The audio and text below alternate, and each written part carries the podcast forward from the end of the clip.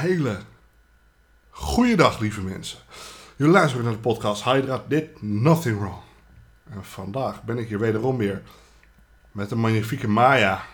Jazeker, en bedankt voor het luisteren, lieve luisteraars thuis en onderweg. Dit keer gaan wij, eh, gaan wij een sprookje doen. Maar het, Zo? Ja, Dat doen we niet vaak. dat doen we zeker niet vaak, maar dit keer gaan we het wel doen. En ehm, we hebben het altijd in, nou ja, wel in Europa gezocht. Ja, Maar dit keer, pak dat koffertje maar gewoon. Ik zeg het maar gewoon. Pak, pak dat paspoortje, want die heb je nodig, want we gaan Ja? buiten Europa. zo. Ja, Waar gaan we naartoe? we gaan naar Marokko. Hey, Hey. En, hey ze- en- vakantiebestemming Ja. jongens. En eh, het sprookje heet eh, Tolla. Wolla. En ehm, ze zeggen ook wel eens: dit sprookje is lam. nou, dankjewel, Ja. dat was flauw. En ehm, ja, het is een volksverhaal uit Marokko. En ehm, een griezelig verhaal. Eh, luisteraars onder de 10 jaar, stop die oortjes maar dicht, want dit mag jij niet horen. Het staat er. En Dat is wel heel eng. het is een eng verhaal, ja. Ja. Dus eh, laten we er maar in springen. Oké jongens, nou. Dit, lieve mensen, is het verhaal van Tolla.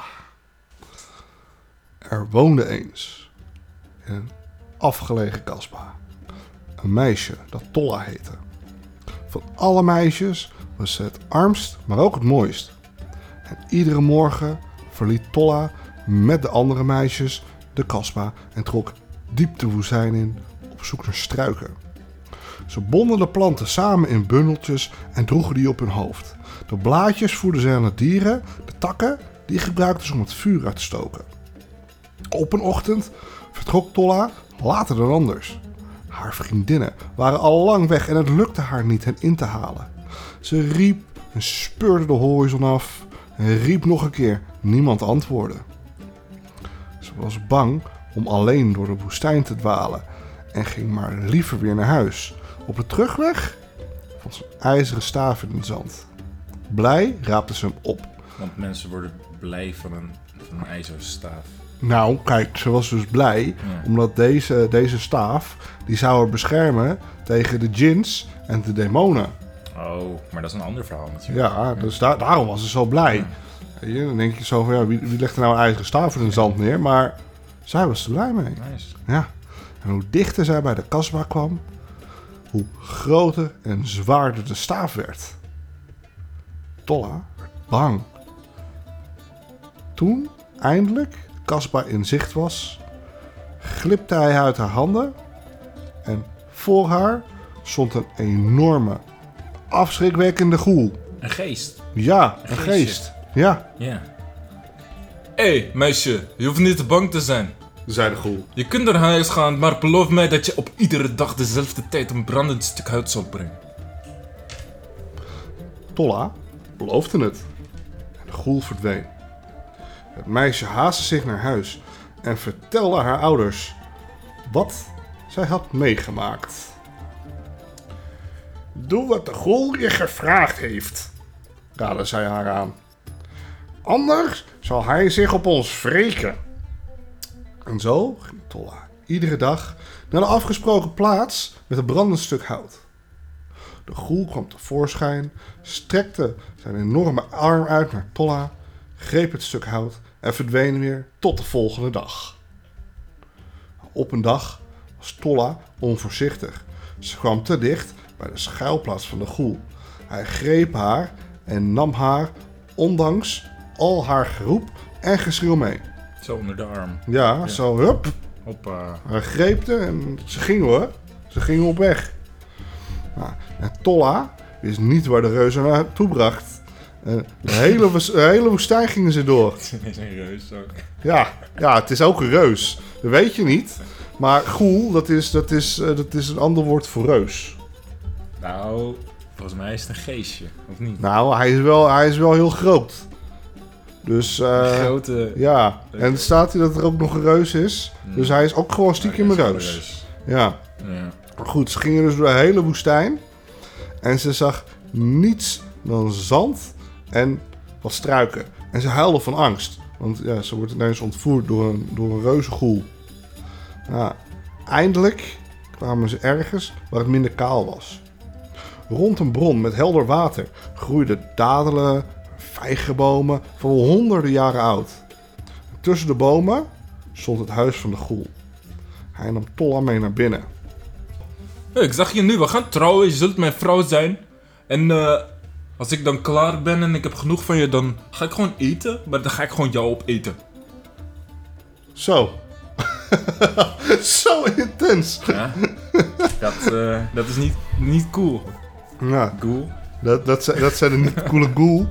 Die zei dat dus tegen Tolla. En dit was het begin van een hele droevige tijd voor Tolla. Overdag deed ze het huishouden van de ghoul. S'nachts wilde zij zijn bed. Ondertussen zochten haar wanhopige ouders de omgeving van de kasbah naar Tolla af. Ze vroegen iedereen naar Tolla, maar niemand had het meisje gezien. Zo besloten ze op een dag op een reis te gaan, om haar verder in de woestijn te gaan zoeken. Ze namen wat proviand mee en trokken bij zonsopgang de woestijn in. Ve- Vele dagen liepen zij door het zand en de hete zon. En eindelijk, aan het einde van hun krachten, vonden ze op een avond het huis van de goel. Goel was op jacht en Tolla zat onder een boom het graan te malen dat nodig was voor het avondeten. De ouders konden haar geluk niet op toen zij hun dochter zagen. Maar snel maakte de vreugde plaats voor bezorgdheid. De goel die kon ieder moment terugkomen van de jacht. Er was geen tijd meer om te vluchten. Tolla nam snel een besluit. In de keuken was er ruimte waar de goel het graan bewaarde. Zij verborg haar ouders daar voor een nacht en zei tegen haar moeder: Hé, hé, geef me die schaar die je altijd bij je draagt. Als de ghoul slaapt, dan knip ik zijn haar eraf. En ik vlucht. Tolla die verborg de schaar in haar kleren. Tolla die had lang zwart haar en de reus had de gewoonte op de helft daarvan te slapen en zich te bedekken met de andere helft. Zo was Tolla zijn gevangene als hij sliep, terwijl Tolla die avond het eten klaarmaakte, was hij opgewekter dan anders. Ze zetten de pan op het vuur en kneden deeg voor de koek. De goel, terug van de jacht, was gaan zitten zonder een woord te zeggen en wachtte tot hij bediend zou worden. In de stilte begon de pan te zingen.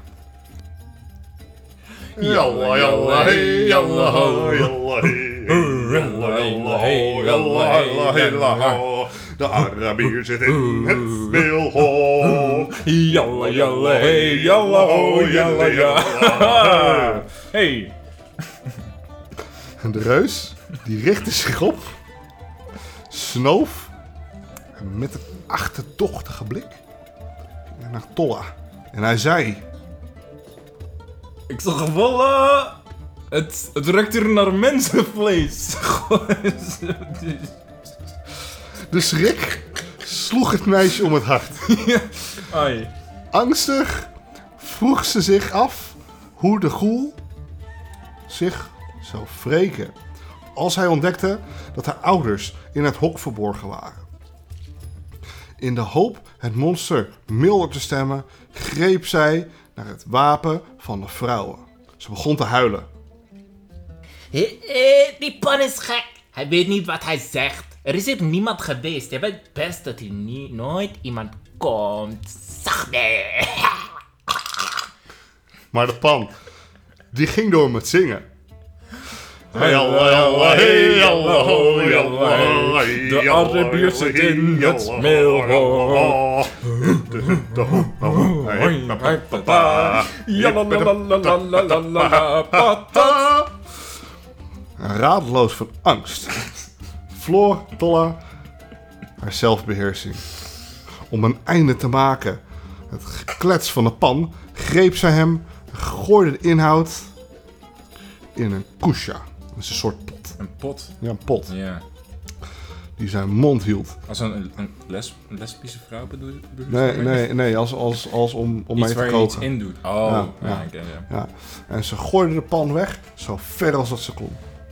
Opgelucht ging zij verder met de voorbereiding van het eten. Even later zette ze de reus een maaltijd voor, die hij gulzig opzat. Zodra hij klaar was, nam hij Tolla mee naar de slaapkamer en zoals altijd ging hij liggen op de helft van haar haar en gebruikte de andere helft als deken. Tolla bewoog niet en zorgde ervoor dat zij niet in slaap viel. Geduldig wachtte ze tot de reus sliep. Zijn ogen werden rood als gloeiende kolen. Uit zijn buik kwam een geluid van hinnikende paarden, mekkerende schapen en luiende koeien. Loeiende koeien. Loeiende koeien. Ja, maar luien kan ook. Ze Ja. zijn best wel lui. Ja, daarom. Ja, nou, dat waren dus alle dieren die hij die dag had verslonden. Nu wist zij dat hij sliep en dat zij rustig haar gang kon gaan. Ze zorgde ervoor dat de goel niet wakker zou worden en voorzichtig knipte zij haar haar af. En toen ze zich bevrijd had, nam zij wat toverpoeder dat de reus in een kistje bewaarde en ging naar haar ouders. Met zijn drieën slopen zij het huis uit en vluchtten. In zijn slaap merkte de reus dat Tolla niet meer naast hem lag. En hij werd wakker. Hij zag de afgeknipte haren, stomde naar buiten en met grote passen zette hij de achtervolging in. Met een paar enorme sprongen was hij op het spoor. Brullend van woede wilde hij ze pakken, maar op dat moment strooide Tolla het toverpoeder over hem heen. Onmiddellijk stak er een enorme storm op. De reus die werd verblind door het zand en de bliksem en werd meegevoerd op de windvlagen. Hij kon een storm die hij niet zelf had opgeroepen niet stoppen. En zo moest hij de achtervolging staken en weer naar huis toe gaan. Terwijl de goel worstelde met de storm, liepen Tolla en haar ouders verder. Na een paar dagen vonden zij de kasbah weer. Om de gelukkige afloop van hun avontuur te vieren en God daarvoor te bedanken, organiseerden zij een groot feest. Zij nodigden alle talebs uit voor de couscous. Ja, Ja, hey. lekker. Lekker hè? Lekker couscousie. Ja. Om de beurt droegen de talebs hoofdstukken van de Koran voor. De volgende dag werden de familie en vriend uitgenodigd. Onder de gasten bevond zich een neef van Tolla, die onder de indruk was van wat het meisje was overkomen. Bovendien viel het hem op hoe mooi zij was. Hij vroeg haar ten huwelijk. Nou. Zo, maar dat was toch de neef? de neef. dit gaat, dit kan toch niet? Dit ga, dit, Gaan we dit, gaan we dit veranderen? Dat het niet de neef is? Nou, dit is, dit, is, dit is hoe het in een sprookje staat. Oké, dan gaan we dit... eh, Ja, Maar ze, ze heeft nog geen ja gezegd. Dus ze heeft nog geen ja gezegd, Nee. dus het, het kan nog. Ja, het kan nog goed Ja, komen. ja. Ja. Maar dat deed hij dus, zodat hij haar zou kunnen beschermen tegen de goel, die zeker zal terug zou komen. En Tolla, die zei ja, Ze zei ja ze zei ja tegen een neef. en nam haar gewone leven weer op met haar ouders en vriendinnen. En ze was dus verloofd. En ze was verloofd met een neefje. Met haar neefie. Ja. Misschien was het wel de neef van de, van de oomderkant of zo, Oh. weet je wel. Nou, ja. Dan, Ja. Was, dat misschien, dan was dat wel eh, beschreven. Ja. Maar goed. Maar goed, we, we, we geloven, het zal wel goed zijn. Zeker, ja. Ja. Maar goed. Toen ze op een morgen de was aan het drogen werd, werd ze geroepen. En ze herkende de schorre en smekende stem. En die zei... Tolla, Tolla. Alle gemachap. Geef mij een brandend stuk hout. De goel was teruggekomen. En vroeg, net als vroeger, om een stuk hout. Om zijn woede niet op te wekken, stemde Tolla toe en beloofde hem te brengen wat hij vroeg.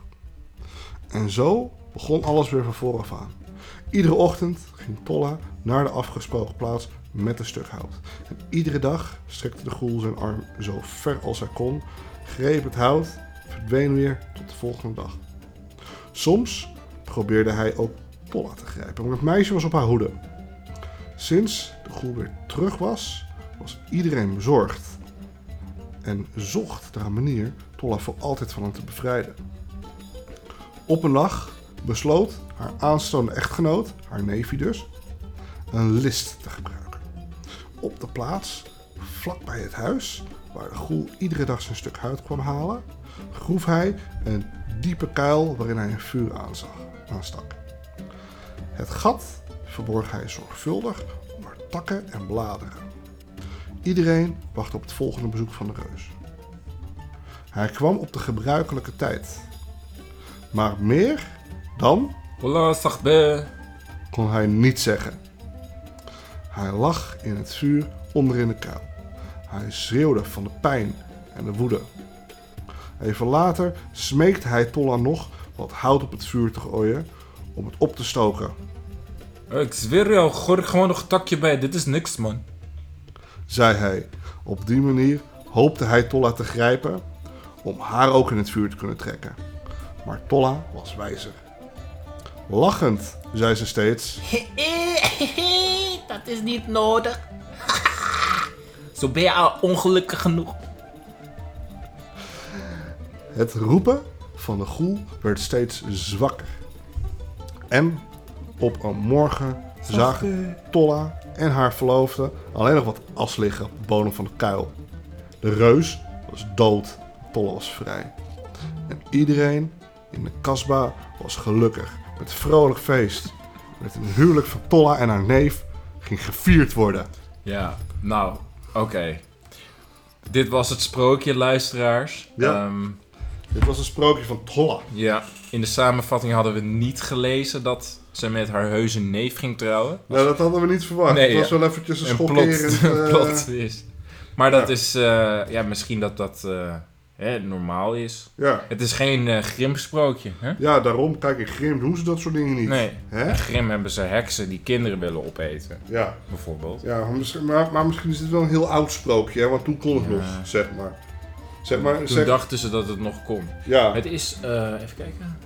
Staat hierbij hoe, hoe Het lang jaar, geleden ja, het het is? jaar 135. 135. Ja. Dat is wel een tijdje terug. ja.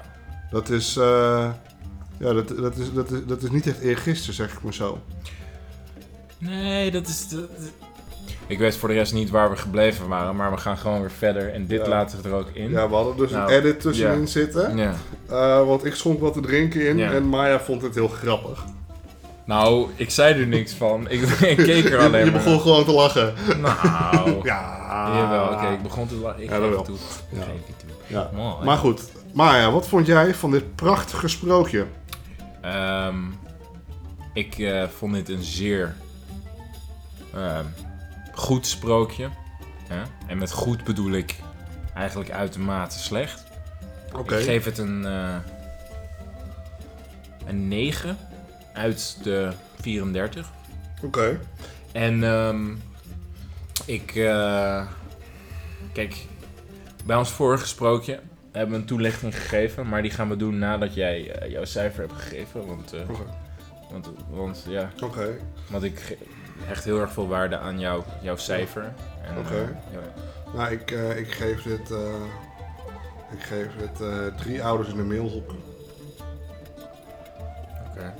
Ja, En, wat, en wat vond je ervan? Wat, wat zegt dat? ja ik, ik, ik vond het gewoon ervaring. Je vond het een ervaring, Ja. maar, maar. Ik heb echt het Heb gevoel alsof ik wat cultuur heb meegekregen vandaag. Ja. Weet je? Ik bedoel, dat hoor je niet vaak. Een Marokkaans sprookje. Ja. En wij hebben het gewoon verteld. ja. Hoe vaak heb jij eerder een Marokkaans sprookje aan iemand kunnen vertellen? Ja, niet Dat eigenlijk. bedoel ik. Dat is toch wel een bijzonder moment. Het is zeker een bijzonder moment. Ja. Dit is de eerste en waarschijnlijk eh, Misschien zelfs misschien de laatste zelfs de keer. laatste keer. dat ja. jij een Marokkaans sprookje aan Ja. iemand vertelt. Zeker. Maar ehm, we gaan nog even een kleine toelichting geven bij deze eh, Ja. Een hele kleine toelichting. story. Ja. Eh, dus het was tijdens de lange winteravonden in de dorpen van Zuid-Marokko worden verhalen verteld waar iedereen eh, geboeid naar luisterde toen.